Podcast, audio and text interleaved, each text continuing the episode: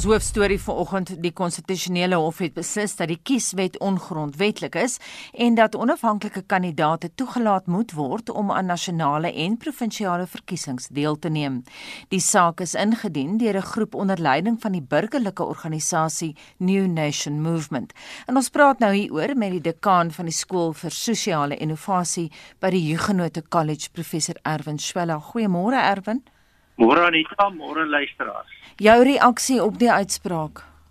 Ek dink dit is in wese 'n goeie uitspraak. Dit het die moontlikheid om demokrasie en die deelname aan demokratiese instellings, waarvan die parlement natuurlik een is, te verbreek en te verdiep. En die proses wat gevolg is, deurdat dit deur die howe uiteindelik ook dan bevestig word dat ons die reg het om verteenwoordiging te hê en dat dit die geleentheid gee vir mense om na die hof toe te gaan, bevestig ook ons goeie prosesse as 'n demokrasie, as 'n regstaat en dat die oppergesag van die reg geldig is. Daar is egter ook bepaalde kom ons sê ehm um, aspekte wat netjies gehanteer sal moet word, want daar is ook hierdie moontlikheid dat indien hierdie wette gewysig word of die artikels in die wet en dit word gedoen om dan mag te bevestig eerder as mag te verdeel. Byvoorbeeld dat 'n mens tot so 'n mate aan die kiesafdelingsstelsel ehm um, en die kiesstelsel gaan werk dat jy net kiesafdelings het, dan kan dit ook nadelige gevolge hê. Aan die ander kant, ehm um, so die politieke die politieke dryfkrag hier agter sal versigtig bestuur moet word want dit kan ook verkeerd loop. En dan is daar natuurlik ook baie uitdagings in die praktyk om die kiesstelsel te wysig en uiteindelik die prosesse kom ons neem nou maar net een voorbeeld om dit prakties te illustreer. Gestel nou maar die wysiging sou beperk wees tot ons kan nou individuele kandidaate kry wat hulle verkiesbaar kan stel en dit moet nou eintlik gebeur.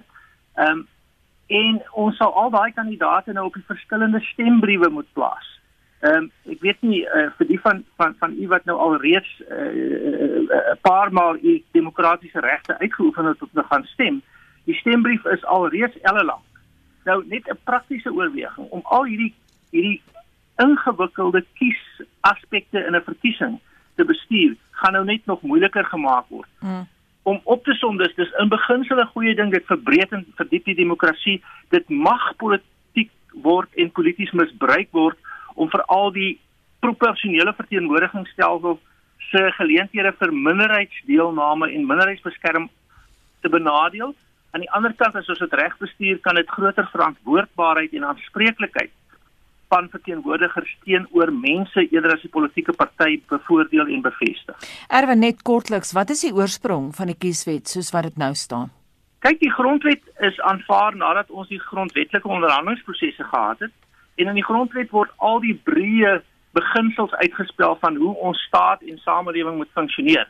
Nou in terme van die grondwet is daar dan 'n verskeidenheid wette aanvaar wat hierdie grondwet in 'n sekere sin institusionaliseer en die kieswet is een van hierdie wette. So die kieswet is uiteindelik gepromulgeer om dan verkiesings as 'n baie demokratiese deel van die proses te kan reël. En dis waar dit vandaan kom. So die kieswet is onderhewig aan die grondwet en daarom kan ons hom wysig as ons hom wil wysig en wanneer hy gewysig moet word. Erwin op 'n praktiese vlak, moet daar dan nou 'n nuwe kieswet geformuleer word? Nee, dis 'n baie goeie vraag en 'n baie belangrike vraag Anita, want ons moet nou versigtig wees. Die kieswet is nie opgeheg nie. Selfs hierdie artikels van die kieswet is nie opgeheg nie. Hierdie artikels moet nou hersien word. 'n Deel van ons leerstuk en die praktyk van die skeiding van staatsgesag sê dat die howe baie huiwerig is en byna nooit hulle besluite in die plek van die wetgewende gesag plaas nie.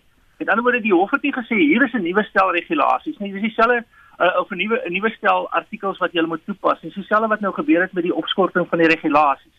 So die hof gaan nie die die die uitvoerende gesag en die wetgewende gesag se funksie oorneem nie. Maar wat die hof sê is is julle het nie goeie werk gedoen die eerste keer toe julle probeer het nie. En omdat ons 'n lerende demokrasie is, gaan hulle doen die werk oor. En as julle dit goed doen, dan gaan ons dit implementeer en as julle dit nie goed doen nie, gaan julle weer in die hof aangespreek word waarskynlik. So die kieswet, dis hoekom dit belangrik is dat jy dit vra Anita dat ons dit bevestig is nie opgehef nie. Volgende jaar die munisipale verkiesings indien hulle voortgaan, sal onder die kieswet gehou word. Hierdie artikels moet hersien word. En hoe lank sal so 'n hersiening neem? Dis 'n lang en 'n en 'n ingewikkelde proses want dit het natuurlik baie belangrike implikasies vir die magsposisionering. Soos ek reeds gesê het, as ons nou sou gaan en op die substantiële kant 'n kiesafdelingsstelsel skep soos ons gehad het in die vorige bedeling waar jy dan in 'n sekere sin elke kiesafdeling het 3 of 4 kandidaate, een kandidaat word verkies. En gestel nou maar dat in al daai kiesafdelings word 'n meerderheidsparty 80% van hulle kandidaate verkies, dan het jy 80% steun vir een party in die parlement. Jy kan dit so doen as dit so gebruik word. En dis ingewikkelde politieke onderhandelinge en politieke dinamika. Die proporsionele stelsel wat ons het as 'n kiesstelsel nou was die resultaat van lang en indringende onderhandelinge in die grondwetlike proses en die grondwetskrywingsproses. Aan die ander kant is dit ook regstegnies baie moeilik want natuurlik moet jy nou die daai artikel so wysig om die politieke konsensus of die politieke meerderheid se wil dan nou in te kry en dit is tegniese regsaspekte en dan is dit administratief ook moeilik. Moeilik. Daarom het die hof gesê 2 jaar. Gelukkig is ons volgende verkiesing nog 2 jaar van nou af. Die munisipale verkiesing sal voortgaan onder die huidige kieswet. So dis 'n lang en 'n ingewikkelde proses met 'n klomp konsekwensies. En hoeveel gaan dit kos? Dit sal natuurlik baie geld kos. Ehm um, maar dit sal nie naaste by so baie geld kos as wanneer ons nie 'n demokrasie het wat op 'n bevoegde en 'n deurdagte wyse voorsiening maak dat die wil van die burgers kan kan uitgedruk word en uiteindelik geskied nie. So kostes hier is altyd relatief. Uh dit is dit is duur, maar dit is altyd duurder as jy dit sleg doen. So dit ons moet aanvaar jy is kostes aangebonde en dis kostes wat ons veel eerder sal wil dra as kostes vir korrupsie en vir wanbesteding van staatsfondse en die instandhouding van nie funksionerende staatsondernemings. So dis goed gespandeerde geld, dit kos baie maar dis dis reg dat ons dit doen. So dis 'n duur les wat ons hier geleer het. Ja, ek dink 'n mens 'n uh, demokrasie ontwikkel en en op verskillende maniere raak hopelik beter deurdat 'n mens 'n um, ingewikkelde situasie probeer reël deur 'n demokratiese stel instellings en jy kry dit nie presies reg van die begin af nie. 'n Mens moet aanvaar dat demokrasie as lerende organisasies in 'n is in 'n voortdurende proses om dit wat gedoen word te toets teenoor wat die getuienis dan vir ons sê of dit werk en of dit nie werk nie en as dit nie werk nie dan is dit ook 'n goeie ding dat 'n mens dit aanpas. So ja, hier is kostes. Dit is ook duur lesse, maar dis lesse wat jy leer wat ander kostes en dalk duurder lesse wanneer die wanneer die instellings faal en die wêreld uitmekaar uitval, ehm um, vermy en verhoed. Erwin uh, onafhanklike uh, persoon wat nou naamloos sal bly, maar buitelandse diplomaat, het nou reg vir my gesê hy is baie beïndruk met ons regstelsel, die onafhanklikheid daarvan. En mens sien dit nou weer met hierdie uitspraak of hoe. Weereens, ek dink dit bevestig eintlik die die die opkomende aard, die ontwikkelende aard van 'n van 'n demokrasie. Uh indien jy die demokratiese spelreëls en die demokratiese prosesse in stand hou, ondersteun en in 'n sekere sin voortdurend herlegitimeer, herbevestig, dan begin die balans en die balansskepping tussen die verskillende staatsinstellings. Onthou die belangrikste staatsinstellings in terme van die grondwet is die regsprekende gesag en daardie grondwethof nou weer bewys dat hulle sal optree op bepaalde wyse om verantwoording af te dwing en verandering te initieer. Ehm um, die uitvoerende instellings, dit sluit die presidentskap, die kabinet en die staatsdiens onder andere in en dan uiteindelik ook die implementeringsagentskappe wat die um, wat wat al die al die munisipaliteite is en so so die regsprekende, die uitvoerende um, en die wetgewende gesag.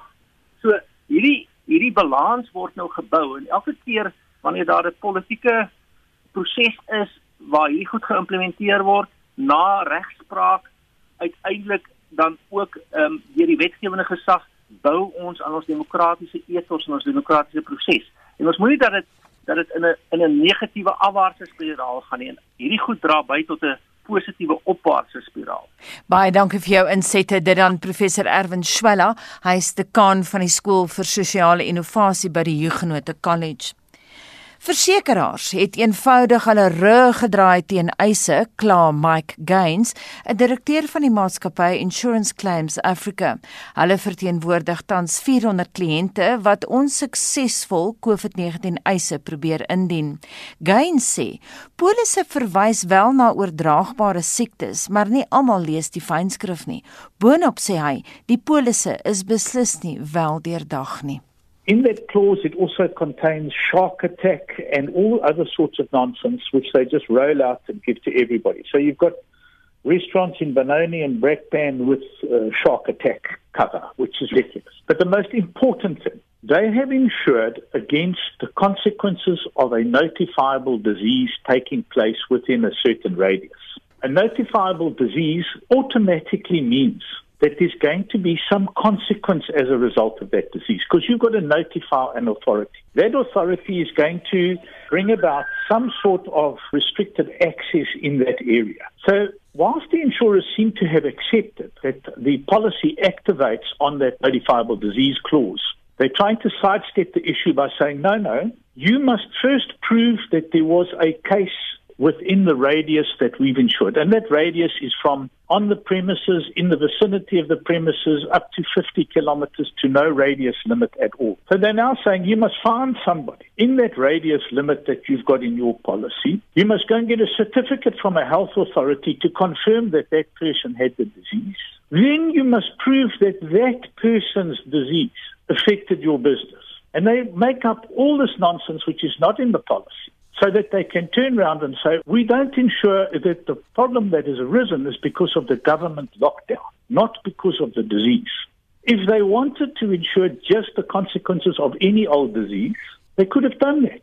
But they didn't. They said, we will insure you against the loss in your business as a result of a notifiable disease. And a notifiable disease means that a regulatory authority is going to impose a restriction on your business. And the lockdown is nothing more than a quarantine.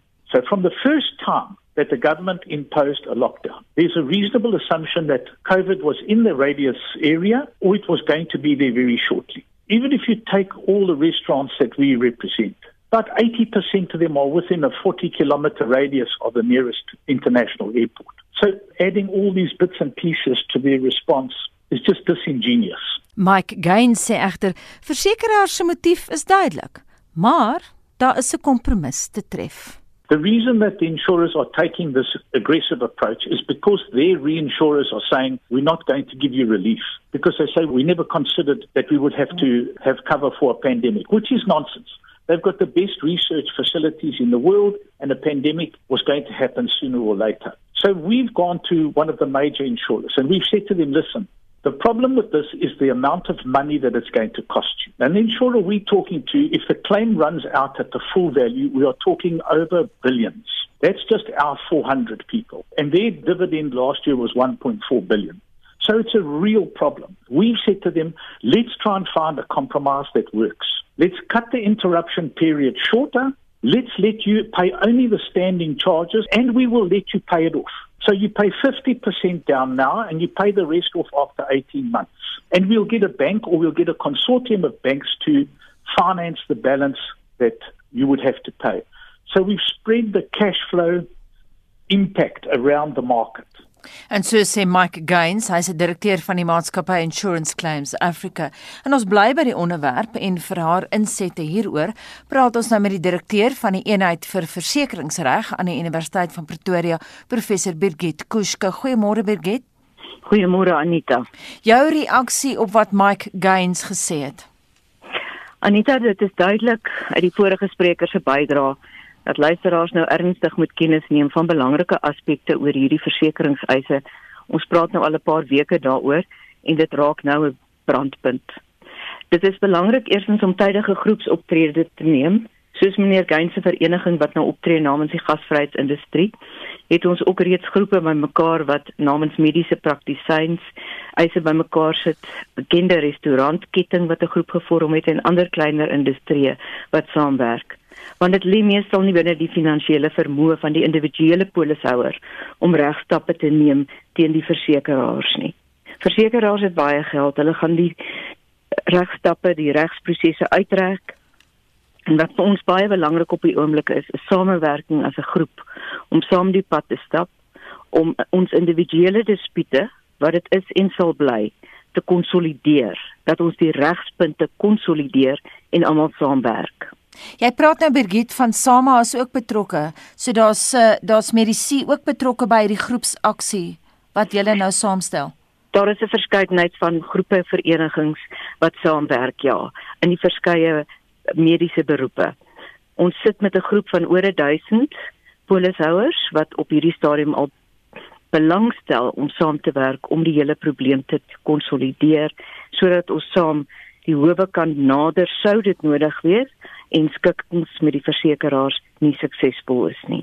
Birgit, maar hoe vinnig sou mens so 'n saak kon afhandel gegee word die dringendheid van hierdie eis? Aneta, ja, tyd is van die uiterste belang hierso. Ehm um, meeste van die polishouers wat reeds eise ingedien het en wie se eise afgewys is, kon dalk al uit tyd uitgehardloop het om dagvaarding te beteken op die versekeraars.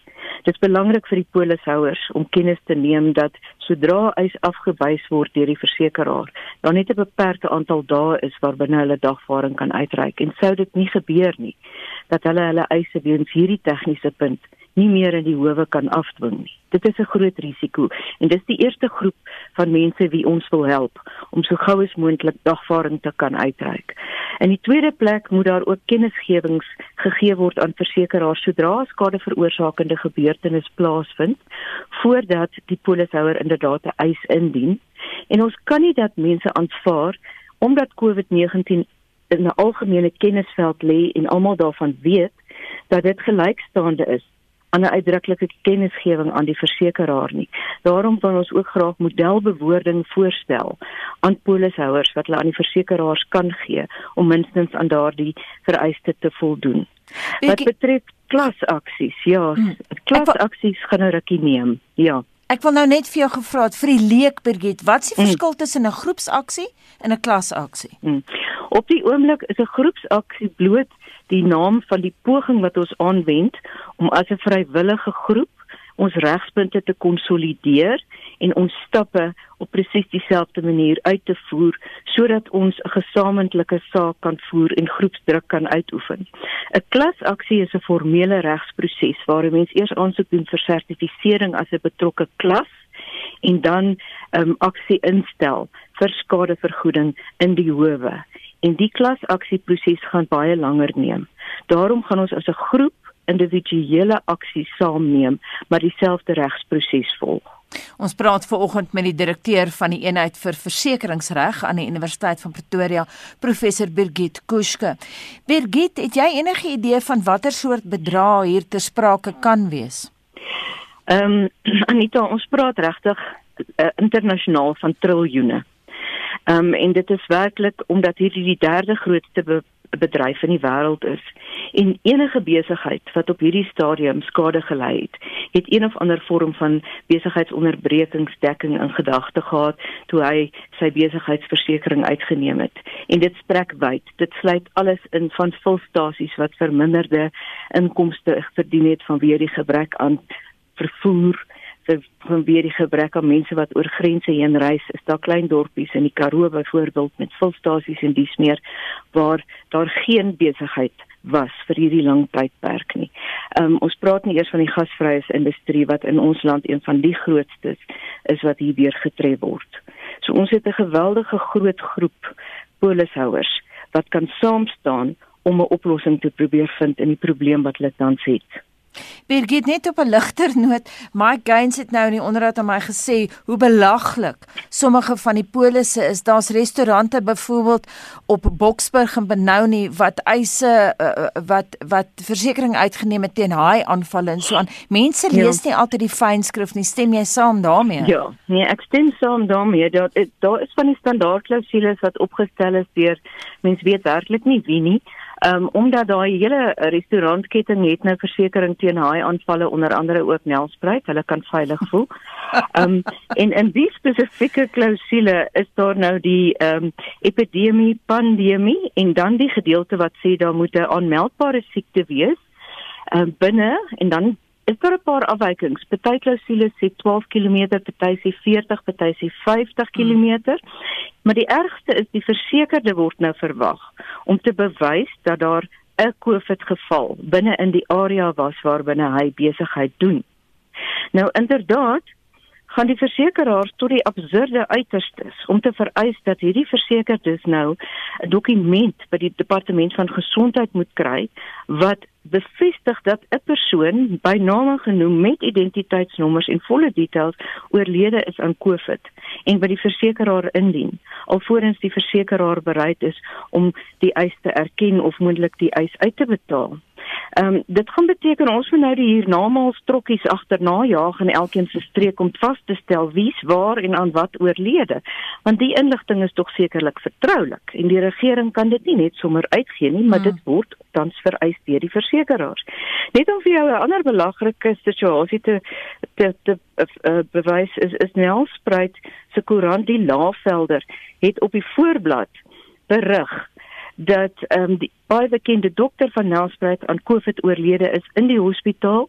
'n Kilometer verder het 'n restaurantgroep besigheidsonderbrekings ervaar en 'n eis ingestel en die versekeraar weier om die eis te erken omrede hulle sê die voorblad berig dien nie as voldoende bewys van 'n COVID sterfte binne hmm. 50 km of 40 km wat ook al die polis gesê het nie.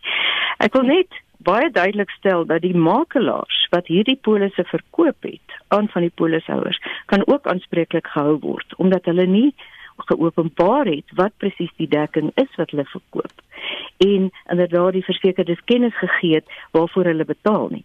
Mm -hmm. So die makelaars kan ook in hierdie geval aanspreeklik gehou word. Birgit sou daar 'n kompromis te tref wees soos wat Mike Gaines voorstel. Ja, nie dat mense kon hoop dat ons dit kan regkry, maar 'n skikking beteken altyd dat iemand iets moet prysgee. En die vraag gaan wees of die skikking gaan kom ehm um, tot die risiko van die versekerdes wat nie volle uitbetaling gaan kry nie, maar wel iets of die versekeraars se voortbestaan in gevaar kan stel. Ons kan nie toelaat dat die industrie ondergaan nie. Dit is natuurlik ook 'n vaste gegewe. En daarom is daar op hierdie stadium op die tafel, as ek ook internasionaal kyk, drie moontlikhede om die versekeringsindustrie te help. En dit is dat hulle poolversekering oorweeg. Dat die versekeraars ehm um, alles pool en dat hulle die risiko saam probeer hanteer in hierdie geval. Dit word wel in ander lande gedoen. Die tweede moontlikheid is 'n publieke-private vennootskap tussen staat en die individuele versekeraars. Alhoewel ons staat nie die geld het nie, sal dit waarskynlik nie so maklik wees om dit reg te kry om die staat te laat inkoop nie. Daar is egter 'n belangrike derde oplossing wat reeds genoem is van tevore deur professor Piet Delport. Ek sien hom as die grootste maatskappyregkenner in Suid-Afrika en dit is dat die staat dieselfde pad volg as ander lande soos byvoorbeeld Swede en dat die staat aandele kapitaal opneem in die versekeraars sodat die maatskappye solvent bly. Die staat gooi nie net geld in 'n die diep gat in nie. Die staat kry inderdaad aandele in ruil vir sy bydrae om die versekeringsbedryf aan die gang te hou. Maar dat die versekerdes so gou as moontlik of moet betrokke raak by 'n skikking soos wat meneer Gaines voorstel of darm net 'n verklarende bevel kry om die regspunte te konsolideer vir die pad vorentoe. Dit staan vas. Birgit net laastens uh, en so kort as moontlik. Dis nie net Suid-Afrika wat sukkel met hierdie dilemma nie. Ek weet jy's nou internasionaal baie betrokke by jou kollegas in terme van versekeringsreg. Wat is die vreemdste eise wat ons internasionaal al gesien het wat niemand verwag het nie? Dis wel as mens nou kyk na die nat natuurlike katastrofes, dan het 'n mens natuurlik uh, tsunamies wat skielik wêreldwyd begin plaasvind het wat van tevore nooit eintlik 'n geval was nie. En dit is met die eerste tsunamies in 2004 was die was die versekeringsbedryf glad nie gereed vir tsunamies nie. Ehm um, natuurlik het ons dan die die Britse lugruim episode waar BA die lugredery geen versekeringsdekking gehad het vir nasionale vlugte vir vulkaniese asbesoedeling nie omdat daar nie vulkane is in die Verenigde Koninkryke nie. En uh, skielik het die vulkaan in IJsland met die onuitspreeklike naam um, veroorsaak dat dat vulkaniese as oorwaai oor die Britse eilande en en en vlugte kon nie vlieg nie. En in daai geval was daar geen versekeringsdekking uitgeneem nie. Ehm um, en terroriste aanvalle wie sou nou gedink het dat twee vliegtye op dieselfde tyd in die Twin Towers sou vasvlieg. Mm. Hierdie is alles gevalle wat versekerings nie noodwendig voorsien nie, maar hulle is in die besigheid van risiko en hulle neem premies om risiko's uit te betaal. En hulle kan nie as die risiko skielik verwerklik en hulle het werklik nou nie daaraan gedink het of dit groter is as wat hulle ooit vermoed het, onttrek uit die saak en die versekerings los met die gemors nie. Baie dankie en so sê die direkteur van die eenheid vir versekeringsreg aan die Universiteit van Pretoria, professor Birgit Kuska.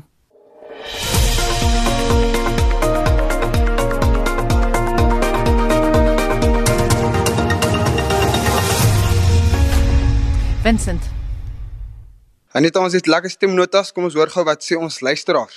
Ons het 'n klomp stories oor ons troeteldiere, maar een besoek aan die veearts wat vir ons gesin uitstaan was toe ons uh, ons het in Botswana gebly en die veearts was so 400 km weg en ons moes net die gewone inentings en so aangaan haal het vir ons hond, maar terwyl ons daar was om dit te gaan oplaai sodat ons ons hond by die huis kon inspuit, het ons veearts 'n ertvark gehad. En dit was so interessant. Die ertwart was uh onder ligte verdowing so bietjie slaperig en het nie omgegee dat ons nader kon kom nie en al my kinders kon hierdie interessante en baie skugtere dier van naby bekyk en dit was so wonderlik om die stories te hoor oor hoe hierdie hierdie um veearts in Maun van Botswana allerlei diere hanteer nie net die gewone katte en honde nie. Dan sê Amanda Ferrara Een Saterdag aand om 7 uur na middag se kant het ons gebraai en ek is gek oor hoender op die kole. My honde kry nooit bene nie, maar wel kraakbeentjies. Nooit gedink dat 'n kraakbeen kliphard word op die kole nie. Jap Snoet, my toy Franse poedel, was 'n slagoffer van 'n been in die keel. Ek jag toe na die veearts se huis toe nadat ek hom nie per telefoon in die hande kon kry nie. Nou dokter Gert Ron van Vryheid was self besig met 'n vleisie op die kole. Sy vrou sê sê toe vir my ek moet praktyk toe gaan, hy sal my daar kry. So dokter Gert moet narkose gee om die been in te druk aangesien dit te ver in die keel af was. Jap Snoet se hart het 'n paar keer gaan staan onder narkose, maar dokter het hom elke keer weer aan die klop gekry. Dit was net dokter Gert en myself daar. Onbaatsigtig en passievol veearts. Jap Snoet is 9 jaar later aan maagprobleme oorlede. Hy was amper 17 Maar geld maak nie saak as jy nog kos die tafel het nie. Dink die rekening was so 600 in 2007 gewees. Laat weet Amanda Ferreira daar vir ons. Die luisteraars het nou laaste kans om vir ons hulle mening ook te gee. Ons is terug voor 8. Amper elke Afrikaanse koerant het die afgelope weke berig gedra oor die Afrikaanse nuutskeppings wat tydens die pandemie ontstaan het. Nou die hoofredakteur en uitvoerende direkteur van die Woordeboek van die Afrikaanse taal, Dr Willem Botha, ontleed ver oggend woorde soos pandemie, grendelgriep en ploeterpakkie. Afrikaans se lewenskragtigheid en die kreatiewe vindingrykheid van sy sprekers het tydens die pandemie duidelik na vore gekom uit die ontstaan van talle nuutskeppings wat op die pandemie en die inperking betrekking het. 'n Pandemie is 'n epidemie in hoogste rad en beide woorde is uit die Grieks afkomstig. Die epi in epidemie beteken by of onder en demi is afgelei van demos, die volk, met ander woorde onder die volk. Net soos in demokrasie wat regering deur die volk onder die volk is. Die Griekse pan in pandemie beteken die hele en pandemie beteken dus die hele volk. 'n Epidemie is 'n besmettelike siekte wat vinnig versprei en na ruk weer verdwyn. Terwyl 'n pandemie 'n epidemie is wat vinnig oor 'n baie groot geografiese gebied versprei, ook oor landsgrense heen en selfs tussen vastelande. Die media moes aanvanklik ywerig met nuutskeppings na vore kom. Dit het gelei tot nuwe woorde soos inperking, grendeltyd, ingrendeling, dubbelbesmetting, afstandskepping, sosiale distansiering, koronavirus met 'n K gespel, kontakopsporing, nuwe normaal, lapmasker, gesigmasker en gesigskerm. Op informele vlak word die Afrikaanse skepings geken deur humor. En dit lyk asof die liedskepings ook 'n poging van die sprekers is om 'n greep op die werklikheid van die pandemie te kry. Grendelgriep is Afrikaans vir cabin fever. Die gemaklike klere wat jy dra as jy tuis werk, is 'n poeterpakkie. As jy meer weet wat 'n dag dit is nie, lê jy aan dagdimensie. Om vinnig kos of medikasie te gaan koop, staan bekend as Grendel Pendel. Die gewig wat jy tydens die inperking opgetel het, is grendelgramme. Daar's ook nog kwarantynewyn, isolasie sensasie, koronavirus word vereenvoudig tot kroonvirus. Korona in Latyn verwys immers na kroon. Nuutskepings is nie die enigste manier waarop sprekers 'n greep op die pandemie probeer kry nie. Een luisteraar het grendeltyd vir R5000 gekoop in die Borge woordprojek om so die tydperk vir altyd vas te vang. En so sê Dr Willem Botha, hoofredakteur van die Woordeboek van die Afrikaanse taal, as jy 'n woord wil borg of koop, besoek www.wat.co.za. Ons het uiteindelik weer vir Leon op die foon daar. Leon, net uh, terug uh, terug na jou toe. Kom ons gaan uh, na 'n vrolike reeks wat mense in 'n goeie gemoedstemming wil plaas. Ek dink ons het dit almal nodig. Dit nodig. Jy mag jou 'n papie lag vir Space Force wat nou op Netflix wys, maar dis een van daai klipgesig komediereekse waar mense dikwels onseker is of jy mag lag of nie. Die akteurs probeer nie snaaks wees nie. Nog minder poog die storie om die resies om weer 'n man op die maan te plaas in 'n klug te omskep. Wat die styl betref, is dit nogal naby aan Catch 22 en met Steve Carell in die hoofrol mag mense reeds begin grinnik nog voordat hy sy mond oopgemaak het.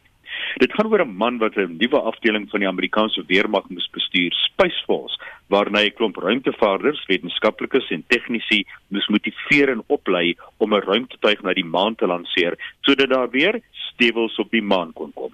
Maar in die proses maak die onbekwame bleeksiel soveel foute en is hy so selfvoldaan tevrede met sy blaatante onbekwame optrede dat jy nie anders kan as om te lag nie. Lus om die naweek net te guggel. Kyk na Space Force op Netflix 7 uit 10. En ek moet vir jou sê Leon, ek persoonlik het die volgende een verwag. Ek het gesê hier kom 'n dokumentêr of 'n TV-film oor Brexit. Natuurlik. Brexit 'n film, né? Dramatiseer die aandeel wat Dominic Cummings briljant vertolk deur die verkleurmannetjie van toneelspeel Benedict Cumberbatch tot die sukses van Brexit gehad het. Maar dit ontmasker hom ook daarna as iemand wat vir 'n oomblik gewonder het oor wat hy gedoen het na die referendum. Hy was soos 'n lewendige elektriese kragdraad wat op die grond lê en wrimmel het en die roprent trek eintlik 'n masjiengeweer op die gehoor oop. Daar is muur tot muur dialoog soos jy kan verwag, blitsvinnige redigering wat jou soms duiselig maak, 'n aggressiewe staccato styl, energie 'n beheptheid met oorwinning en mense wat sodanig meegevoer is deur wat hulle gedoen het dat hulle alle perspektief verloor het maar die storie waarskynlik die roprent ontvou steeds elke dag. Al is jy dalk keelvol vir Brexit op die nuus, sal hierdie BBC film jou opnuut perspektief gee op wat gebeur het. Brexit 8/10 op Showmax. Jy kan die resensies op ons webblad lees, rsg.co.za deur op fliek rubriek te klik of jy kan ook op potgooi daarna luister. En dit was Leon van Nierop en ek verstaan van my redakteur Justin dat ons het nou weer vir Pieter van den Berg op die op die lyn. Pieter net baie kortliks. Kom ons kyk na plaaslike sport kortliks en dan wil ons kyk na rugby en golf. Ja, net nou net uh, kortliks dan die uh, Comrades marathon sou eerskomende naweek gehardloop word is in Pietermaritzburg in Durban. Dit sal nou 'n virtuele geleentheid wees, so die nagenoeg 20000 atlete sal uh, dit hardloop by hulle in hulle erf of op 'n drafmasjien of op die pad en hulle het ook verskillende afstande om te kies wat hulle kan hardloop. Dan vlak 3 van inperkings en regulasies vir sport is gister in die staatskoerant gepubliseer. Nou amateursport is steeds taboe, dit beteken dat golfklubs nie kan oopmaak nie, so ook natuurlik sportsoorte wat hoofsaaklik amateur basis het soos tennis en gimnastiek.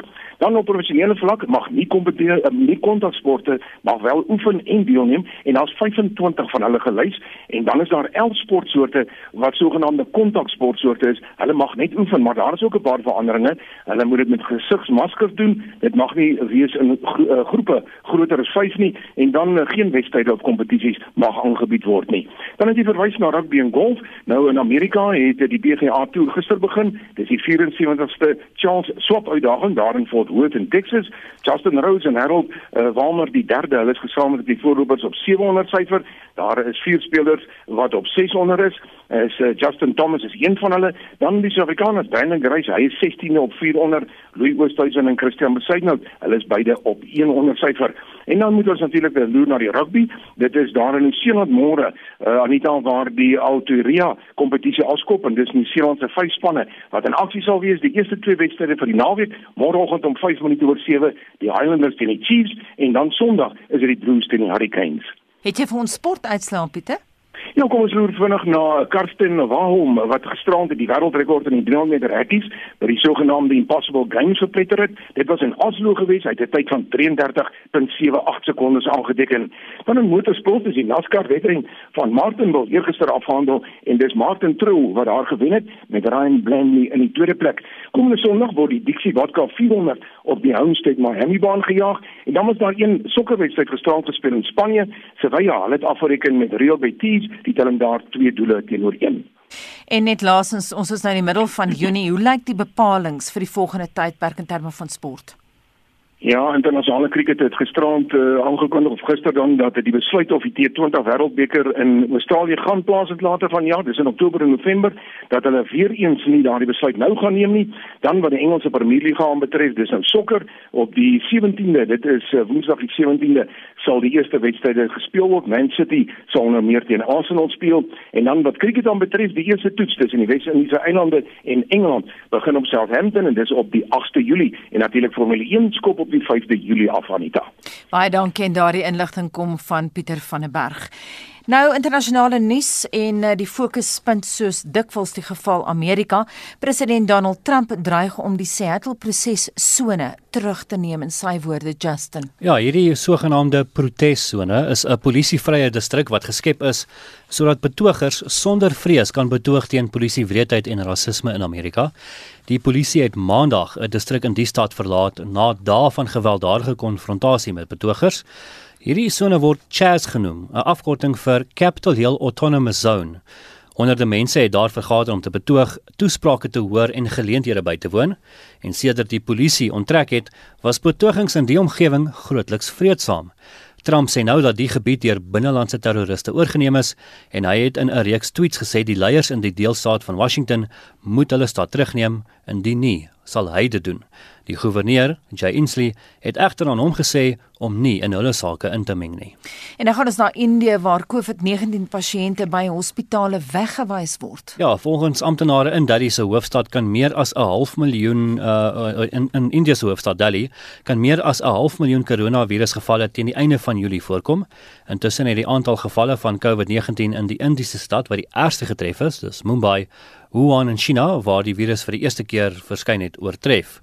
Hospitale in die land sukkel om gesondheidsorg aan die aantal pasiënte wat hulle kry te gee en baie mense sterf sonder om die behandeling te kry wat hulle nodig het. Brexit verwante nuus, die VK verander sy planne oor volledige EU grensondersoeke te midde van corona. Ja, die regering sal na verwagting baie minder streng EU grenskontroles op invoere toepas as wat hulle aanvanklik beplan het nadat die Brexit oorgangstydperk einde van die jaar voltooi is. Volgens die Financial Times het die ministers hulle planne laat vaar uh, weens druk van verskeie sakeondernemings 'n bron het aan die BBC gesê dat hulle dit uh of dat hulle dit nou 'n pragmatiese en buigsame benadering sal neem as gevolg van die COVID-19 pandemie en die VK het hom daartoe verbind om in Januarie invoerbeheer op EU goedere in te stel. En dit was vandag se redakteur Justin wat ook wêreldnuus hanteer het. Tussen ander nuus uit Suid-Afrika, 'n 210 kg gorilla Makoko is met welslaaf van die Johannesburgse dieretuin vervoer per helikopter nogal na onderste poort in die noorde van Pretoria. Pretoria. En dit alles ter wille van 'n skandering wat nie by die dieretuin gedoen kon word nie. Vir meer oor die besonderse operasie, praat ons nou met professor Gerard Steenkamp. Hy's 'n veearts wat spesialiseer in kaak, gesig en mondchirurgie by Onderstepoort. Goeiemôre Gerard. Goeiemôre Anita. Was dit die eerste keer ter wêreld dat 'n gorilla per helikopter vervoer is? Ja, weet jy, dit is die eerste keer wat wat ek sekerlik daarvan gehoor het. Ek dink Die enigste ander keer was in die in die fliek Rampage wat ek dan my kinders gekyk het, maar dit het nie baie goed afgeloop nie. Watter spesiale permitte moes jy kry daarvoor Gerard? Wel Anita, ek dink eh, mense mag dalk nie bewus wees daarvan nie, maar dit was nog in Grendel tydperk 4. So daar was redelike inperking ook op lugvaartbeheer en die helikopters moes ook permitte kry beide van burgerlike lugvaart as ook van die minister van vervoer. Nou die goed moet ten minste 5 of 6 dae voor die tyd moet die vlugplanne en so aan ingedien word. En dit was nogal 'n groot konsternasie want hierdie mense wat ons help doen ook baie goeie werk met opsporing van wilddiewe ensovoorts en jy kan dink as almal geweet het wanneer 'n wilddief gaan toeslaan en jy kan 5 dae voor die tyd jou jou permitte aansoek voordoen en sou dit gehelp het. Maar dit was maar 'n baie moeilike tyd en danksy ehm um, die Grendeltydperk 3 is dit nou bietjie makliker ook vir hulle om te beweeg. Gerard, hoe werk so 'n operasie? Ek neem aan die gorilla moes gepaal word. Ja, dit is dis nogal 'n logistieke nagmerrie want natuurlik ehm um, as jy met helikoptervlieëniers werk of enige vlieëniers, hulle werk op die minuut. Hulle ehm um, is nogal baie gestel op tyd, maar as jy met wild werk dan is dit nooit 'n uh, uh, iets wat jy kan doen nie. Ehm um, die gorilla is eerstens 'n verdowingsmiddel gegee in 'n drankie, 'n uh, vrugtesap en toe hy nou die effek van die verdowingsmiddel wys, maar net soos wat 'n julle luisteraar sal dalk weet, as jy in die hospitaal is, dan gee hulle vir eers 'n pilletjie wat jy drink en dan raak jy lomerig en dan gaan jy teater toe. Dis maar dieselfde beginsel. So toe hy begin lomerig raak, het hulle met 'n pylgeweer geskiet want Makoko is nie mak genoeg dat hy nader kom dat ons hom met 'n inspuiting kan inspuit nie. En toe het hy aan die slaap geraak. Nou gelukkig al die werk was voor die tyd gedoen. Die helikoptervlieënier was al vroeër die week daar presies gesien waar hulle gaan land. Die helikopter moes versterk word in terme van binne in sy sy vragruim waar mense gewoonlik dra, moes hulle sitplekke uithaal en hulle 'n platform bou waarop 'n 210 kg gorilla kan lê en en toe sy met met hande arbeid gedra tot by die helikopter en ingelaai en binne in die helikopter was daar dan net genoeg plek vir die gorilla self en twee fiatse en en die vlieënier. En hoeveel mense dra so gorilla? Man net dat dit dan al versterkie mense is, maar gewoonlik is daar 'n plek vir omtrent so 6 mense rondom so 'n gorilla. Gerard, waarvoor moes hy geskandeer word? Wat presies was fout? Ons het die 20ste Mei het ons na hom gaan kyk. Die veearts het ons gekontak uit die dieretuin uit want hy het sedert middel Desember het hy neusuitloopsel wat uh, etterig was in sy regterkant gehad en hulle het met verskeie antibiotika dit probeer beheer maar dit het nie beter geword nie toe daar ook 'n swelling onder sy linker oog verskyn en daar's toe besluit dat hulle hom gaan narkose gee en almal van ons ehm um, van onderste poort wat dan nou kan 'n bydrae lewer het so intoe gekom om ons opinies te kom gee en saam met die fiat daar Dr. Chris en Pillay dan die werk te doen. En tydens daai ondersoek het ons gesien aan die regterkant was daar 'n gewas wat by sy neus uitgegroei het Ehm um, ek het 'n biopsie daarvan geneem en ons kon sien dat ek kon glad nie met 'n endoskoop binne in sy neus inkom nie. Uh, dis maar gewoonlik wat ons doen om binne in 'n neus of binne in sinusse te werk. Jy gaan met 'n endoskoop in en dan kan jy sien wat jy doen. Maar ons kon glad nie met die endoskoop inkom nie en daarom het ons besluit die volgende opsie is dan om 'n skandering te doen van sy kop sodat ons die sinusse mooi kan evalueer en op sy neus gaan. En Gerard, die volgende stap is nou chirurgie. Ja, die die volgende stap is nou om ehm um, soos ek sê, ons het nou 'n biopsie geneem en dit het net op 'n poliep gedui. Nou 'n poliep is gewoonlik 'n inflammatoriese reaksie van die neusgange wat dan hierdie weefsel vorm en dit is gewoonlik allergies gedrewe maar ons het toetse gedoen op hom en daar's geen teken dat dit allergies gedrewe is nie die groot probleem wat ons mee sit is die skandering het ook gewys dat sy sinusse ehm um, almal van hulle ten volle geblok met hierdie ehm um, massa wat ons maar tumor noem en die groot vraag is nog steeds of daar nie iets daaronder vir ons wegkry en dat daar wel 'n gewas van soorte is nie. Gerard, maar hierdie proses het nou internasionaal geword. As allerhande ja. tot die Franse is betrokke. Ja, wel dit dit is baie wyer as net die Franse. Die volgende stap natuurlik omdat daar nie ehm um, anatomie regtig beskryf is of of enige van die operasie wat ons moet uitvoer op gorillas nie. Dit is nie so eenvoudig om net te sê wel jy werk op 'n hond of 'n perd jy kan op 'n gorilla ook werk. Nee, 'n gorilla is baie nader aan 'n mens. En so het ek een van ons kollegas, Dr. Kobus Venter, hy's 'n menslike oorneem en keelchirurg ek het hom genader want dit is werk wat hulle daagliks doen. En hy het aan my gekyk en, en gesê wel nou moet ons die anatomie kry. En ek het toe op sosiale media en, en professor Todders wat saam met werk het ook op sy platforms uitgestuur. En dit is ongelooflik, jy weet ek is ek is nog die laaste einde van die baby boomer so ehm um, sosiale media is nou nie so algemeen vir my nie. Maar ons het gevra of daar nie iemand daar buite is wat 'n normale skandering van 'n gorilla kop het sodat ons iets het om mee te vergelyk nie. En ons het binne 24 uur het ons twee skanderings gehad. Een uit 'n Brasilia uit 'n kollega wat daar vir ons gestuur het een van Disney af in uh, Florida en dan twee skanderings uit Frankryk uit. So dit is dis 'n ongelooflike netwerk om te hê en uh, professie om in te wees. Ek sal duisendmal oor altyd te veerd wees. Dit is dit is my wonderlik om met my kollegas saam te werk. Dis heerlik om sulke entoesiasme te hoor. Net kortliks vir ons Makoko se prognose. Hoe oud is Makoko nou? Makoko verjaar die 4de Julie en dan sal hy 35 wees en ons ons hoop hy sal teen daai tyd sy sy verjaardag koek en ryk.